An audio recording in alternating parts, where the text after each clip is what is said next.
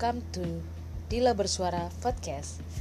Konnichiwa, kono podcast ni yakoso. Halo, selamat datang di podcast ini Dila Bersuara. Kyo wa watashi wa eigo hanashimasu. Today I will speak in English. Hari ini saya akan berbicara dalam bahasa Inggris. So, kalau kamu tidak mengerti bahasa Inggris, mungkin kamu bisa skip. Oke, okay, ayo kita continue. Let's start. Um, as you know that I am from Indonesia, so maybe if you think that my English accent is really strong, it is because my first my first language is not English but Indonesian. Today's topic I would like to talk about my field, biomedical engineering. Maybe for some of you, biomedical engineering is something new. Commonly, we we heard about electrical engineering, civil engineering, architecture, or something, especially for Indonesian or Asian region. Well, what is biomedical engineering?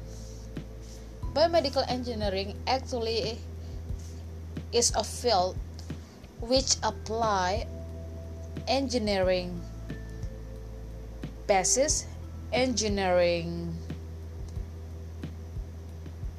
things to a medical things. So the engineering principle is applied to medical science. For the example to use electrocardiogram, or sometimes we call it as ECG, we need to apply signal processing, which is from electrical engineering field.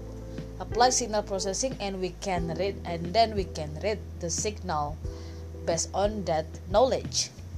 And then we can interpret this signal as something in our body. For example, these people have tachycardia, bradycardia, or something else. Biomedical engineering is something new in my country. Before 2013, I think only Airlangga University have this department as undergraduate studies. Correct me if I'm wrong. But let can we can say that probably only less than five universities who have which ha, uh, that have biomedical engineering as their department.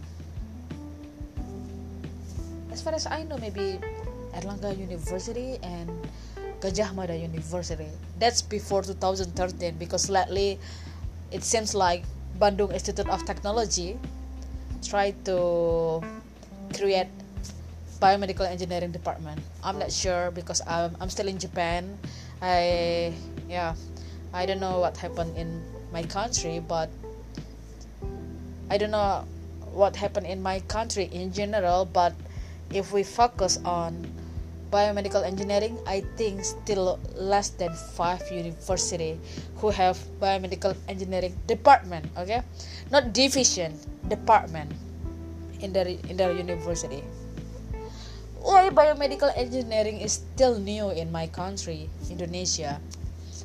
It is because the, the regulation. Biomedical engineering also have correlation with the medical studies. So sometimes if we want to apply an experiment that need a subject or participants, sometimes we need to fill some document to be considered as ethics ethics because it's about human human biology thing so we need to get consent paper paper from the the participants and to create this kind of regulation still still difficult or maybe still not become a priority in my country. So that's why biomedical engineering still try to grow up. Not already grow up or developed like in japan. Biomedical engineering. Lately, step by step, I think this field become popular. or it will be popular in the next 10 years. Maybe not now, but in the next 10 years, biomedical engineering will be a popular department to be chosen in the national exam, for example. Why? Because in the next 10 years, probably all the system that we have will be automatic. For example, we can turn on our electricity just using our brain wave or we can type something just using our eyes.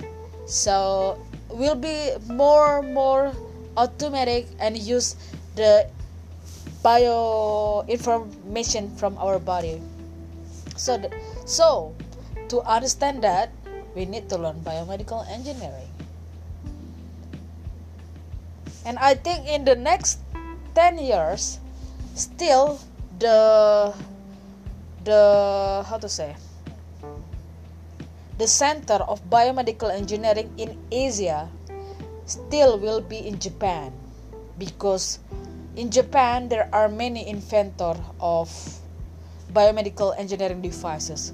Let's say for the example Ueno as one inventor in TMS transcranial magnetic stimulation and also NIRS I forgot the professor's name but they are Japanese so, for you who who consider to study about biomedical engineering, probably Japan will be a good choice rather than you study biomedical engineering in Indonesia. Why?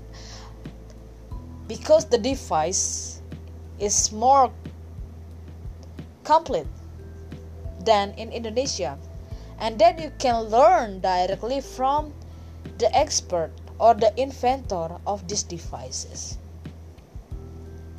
Nowadays, there are many Thailand students who came to Japan to do to do exchange study in Japan University in the biomedical engineering department. So I hope in the future there are many Indonesian will will uh, help up um, an exchange program to Japan for the students, not only for the teachers, to learn biomedical engineering in Japan because all the system in Japan still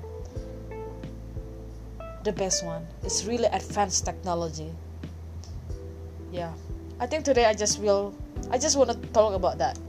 And I just want to know uh, what do you think about this podcast in English version. I know my my English is not perfect, but I hope I can get feedback from you. I hope if you are interested with biomedical engineering, you can contact me and we can discuss. See you next time.